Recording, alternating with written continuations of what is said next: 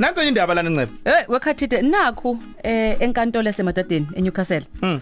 imantshi hayi futhi yazi mina ngisamangele ishaywe inkwici yashona. Bengazi mina ukuthi inkwici inkwici thina sithi ingwici oh. Eh.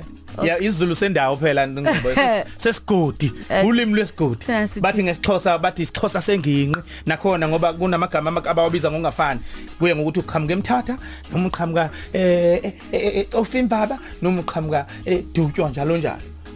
Yeah okay. Yeah. Yazi- nathi ke Eh, sinesizulu eh, cha. sesigodi ngikulinda uqede ngoba mina ngina- nami ngiyakholwa akho udaba ngoba kuvuka amaminithi mfethu ngini ibhlungu lendaba ku- ku- kum- i- yashona ngempela i- i- imanje. Cha mi- mina beng- ngathini? A- a- angifuni nje ukukhuluma iphutha. Bengingazi ukuthi umuntu uyashona ngenxa ye- ngenxa yenkwici ngoba ngize ngacabanga wena sasisebenza nawe si- sizohluka sasingeza ukuhlukanisa unyaka sasindlalela ukuhlukanisa konyaka Eh, cishe kwasela isonto konyaka kusukela 2014 2014. hayi! Ngoba kuthiwa- kwaku- phela- kwakuseyajika le nto. kwakubusuku kwakubusuku bawo ukuhlukanisa unyaka thina sasingena Oh, u6 yeah. to 9 kuzongena 9 to 12 Ah. then ke ab- ku- ku- abalandela thina babezohlukanisa unyaka.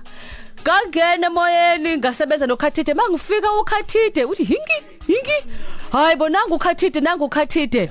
Hayi Yeah. bo hayi sithi kuzoba ngcono. Athi mayithu uyangena Ah. athi hu hu- ha nancebo hey. Wakhothukisa umuntu. Eh cha abaphathi bangikhulela bathi hayi no khululeke uhambe uye ekhaya. Eh uma ngele manguxoxela ukuthi ngaphuthunyiswa esibhedlela lapha kwesinye sezibhedlela ebusuku eh ngi- ngi- ngithwelwe insizwa lapha uqolana umfoka amcineka benodo umfoka amabaso.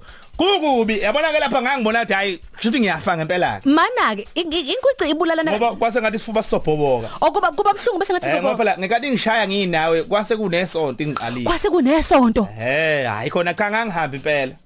Ngabona Hayi, umuntu wena khathini. uyafaka manje straight. Ngoba kwangasakhulumeki kungasenzeki lutho. Lutho lisifuba ngangithi siyabhobonga impela. Ngaphuthunyiswa sibhedlela ke sebebona nabo ukuthi hayi bona umuntu ezofela endlini. Kuthiwa qhuma ama cricket nje kuthiwa happy new year kwasha kwacima ngisesibhedlela mina. Mana ke ke esibhedlela bay- bayilapha ngani inkwici hayi isibhedlela sayizizaba nje. Eh khona lapho umuntu azavuka khona. Ah. Eh ngoba ayizathi bayibona insizwa omcineka ngoba sesemakhaya zabona Hey, ukuthi hayi hey! eh kuhlanga imuka nomoya ngase ngisiwa ndawana thize hayi ngafike ngafike ngakhothiswa ke hayi ngavuka. Eh noncebo cha angifuni ukufihla lokho inyanga mina ncebe yangisiza eh. Eh inyanga yangisiza yangiphuzisa ke imithi ethize babayo ke nganikwa neminye wafanele ngiyiphuze. Nangempela ke nga- ngalulama emva kubo odokotela sebenzamele no doctor emfoka ngcobo naye nawe wanginikeza izinto zokwenza izaba. Eh. kodwa umuntu owangeza ngaphila inyanga abangithwala umfoka amcineka no do umfoka mabaso bangisakuyo. Awu. ngafike ngasinda cha si- siyabonga bakithi ngoba ngempela ngempela ubuntu uya uyala ezosizakala khona. Siyayibonga lo ngabe ngabe ngabe ngihlupha bani? Nje ngasindiswa amakhambi esintu ngani zakwethu eh ihlahla. Nakuba niyangibona.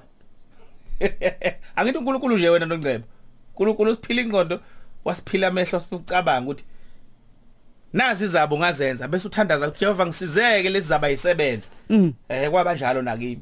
Ngoba ngangeke ngithandaze ngithi ohlala emthandazweni hlala nje emthandazweni hlala nje emthandazweni uzoba ngcono cha. Thandazo uyawulekelela ngani yakwethu. Ngezaba. Ge ge breadwinner yethu Asinda. ge breadwinner yethu ethi shooter ibe ithi Yeah. ngikhathele ukuthi shooter thengana amafoni. Hey sithwele hayi kanzima kwakungubi. So abantu abaningi into yangixaka noncebo babuya kamuva. Bazongitshela ukuthi hey ingwici ngobe besisaba ukutshela ngoba ibisa kubambile osibani bani sibaziyo bashona obani bashona abantu bashona bephethwe ingwici le. Ngithuka kakhulu ke na Bengingazi mina ngempela khathini. hamba ngempela. Yabo so yeah. Sizokhuluma ke eh, nenyanga ezosichazela kabanzi ukuthi ingwici le isuke ibangwa yini. Siphinde sikhulume nanodokotela futhi nangendlela bona abahlola ngayo ngokwesilungu ukuthi eh, lezi zinto zisuke zibangelwa yini na. Because shabu kwenye ngiyeza ngiyeza kwenye ukuthi utshela ubandla mjayi wawumdlalisa Hawu usungaze ukhale kangaka uyazi ngangakenzi lutho. Hawu Cha, ngiyezwa usungakhale wena. kangaka uyazi ukuthi ngangisabhaza nje ngangakenzi lutho ngangapha ngiyethanye.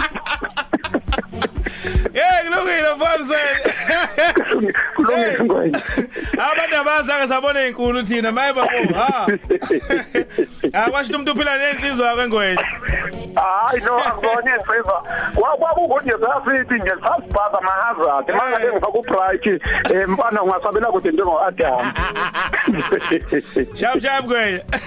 kangikwe kangikwe Alright, ukhona ke ubaba uMiyati eh omelaphi wendabuko. Sibingelele sikwamukele emsakazweni ukhoze FM baba uMiyati. asibingelele mfangobe sibingelele nangongcebo I- i- Indaba eshi- eshiya abaningi beshaqekile eh indaba yaseMatata neNewcastle eh la khona imantshi ishawe ingwici yagcina ngo- ngo- ngokuphangalala. Eh cishe ku- ku- ku- kwethusele kakhulu. A- Awuchazele baba, yini imbangela yale ngwici? Eh ingwici eh akufanele ikushaye at least eh eh, kube ngaphezulu kwemizuzu eyishumi. Mawuzoshawa nje yona ngoba kwesinye isikhathi kuyenzeka ingwici kube ingxenye yempilo yomuntu. Yeah. kodwa ke eh, uma sizokushaya kudlulele kwequsuku eh kweqinsuku embili ezintathu okokuqala ke kudala ukuthi uma uzophupha njalo udla ebusuku Uhl- udla nje into ethi mhlawumbe udla amakhekhe udla inyama udla lokho yana lokho into ozoyigwinya kodwa ulele kodwa uyiphupha uyayiphupha. Usukudliswa isilwane. Eh, lesilwane masikudlisa lo poison lo ufike ke manje ube intuthu la emaphasheni. Bese udala amagwebu. Ahlala eminzweni la kudlula noba yini into eya esweni. Ngesikhathi suqala ke sekunala umagwebu umswakama emaphashini eh ngenhla iphaphu liba nomswakama bese uthi ngenzansi lome khohlo. Ingalesikhathi sekudaleka ke manje ke le conflicts eh, eh, emzimbeni kuwe. Yo, so ngamanye amazi iyahambisana nemoya emibi le ngwici. ihambisana nemoya emibi kakhulu. Eh esingeke sikuphawule kangako ngokwejaji ngoba ke ecaleni kunezinto eziningi vese senziwayo ukuze yonke into ke eh i- igcine eh, ivuna lowo esukufanele imvuna ukuze kungathiwa ke eh umnyadu uthe okhozeni ashiye nje kanjalo eh kubonakala ukuthi batheni ngokwe postmortem ngicawuthi ngibona ngicawuthi ukuvikeleka lokho ekufanele sivikele nesizwe So ukuyelapha ke ngoba ngi- ngikhumbula mina nje ngoba ngishithi ngibambile cishe kwase kungenele seligamanxa isonto lesibili eh la khona ngangasakwazi nokwenzani? Kubonakala ukuthi ngiyafa. Eh kodwa umelapho wendabuko engasiwa kuye wahlanganisa nje imithi nje imbala wafaka lapha waxuba namanzi wathi angiphuze. Wase kunikeza ke omunye ukuthi ngiphuze ke ekseni mangivuka phinde ngiphuze futhi ngaphambi ukuthi ngilale. Eh cishe kwaphela insuku ezimbili ka kwethathu nje kwase kuphelile sekuthenya ku- ku- kufanele uma izothola uma uzolashwa inkweci weqinisile ngoba isikhathi uphuza usukusu detox alamagwebe engithe asuka khona phezulu. Eh ngesikhathi uphuza ekseni nantambama ulekelela namaphaphu uthi avuke ngoba iphapha kufanele lome chathu kodwa. Iphapho futhi alifakele ibe lomswakamo omningi. Phela ukuze likwazi ukusebenzisana ukuthi kwathi uphefumula wena uqobo kufanele lamanzi abe nesilinganiso. Ingakho uma uzodla usawuto omningi amaphapha akho sokwalimaza ingakho uma ukuthola ukuthi uzodla izinto enesitashi kakhulu amaphapho sokwalimaza phuza thola imbiza zokuphuza. Kodwa leyo muthi kufanele ube umuthi engathi uyababa mbejana Wawubaba impela, eh, yes funa kunjalo. ubaba mbejana ngeke ngiloko ngiyibeka ukuthi mithi mini Yeah. nebabayo ngoba kuzosothi siphuma la kuzobe sekunenyanga ezingaphezulu kwemillion eh eh, eh, ezenza le. zibabambeka baba yeyi, bakithi. Eh. Eh, kubalekile lokho. Kodwa into engafanele uyenze eh, umlaleli ekhaya nawe mfaka ngobe ukuthi ukuphalaza ungabisakusebenzisa mawuna ngoba ngesikhathi uphalaza wenza i damage emaphasheni.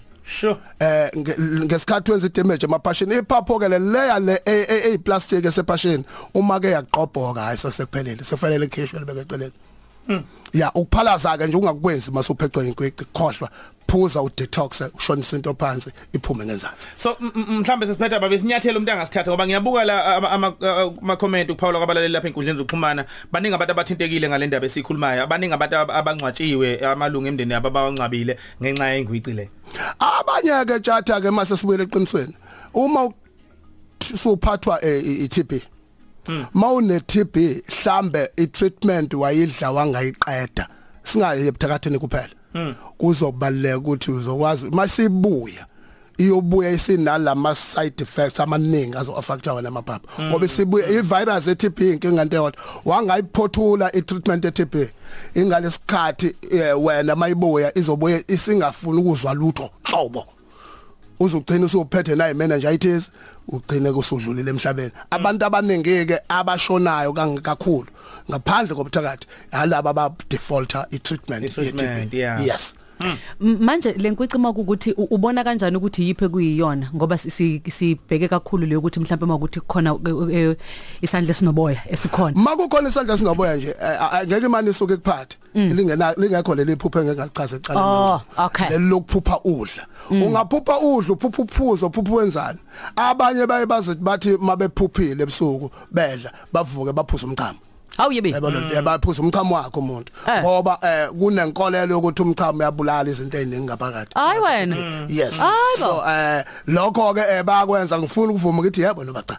Kodwa okubalekile Kodwa izaba nje. uma uphupha udla nje uzongena enkingeni engwecwena ngaphandle ke mase kwilengwici ye-TB ke eseceleni ukuthi uya default on treatment.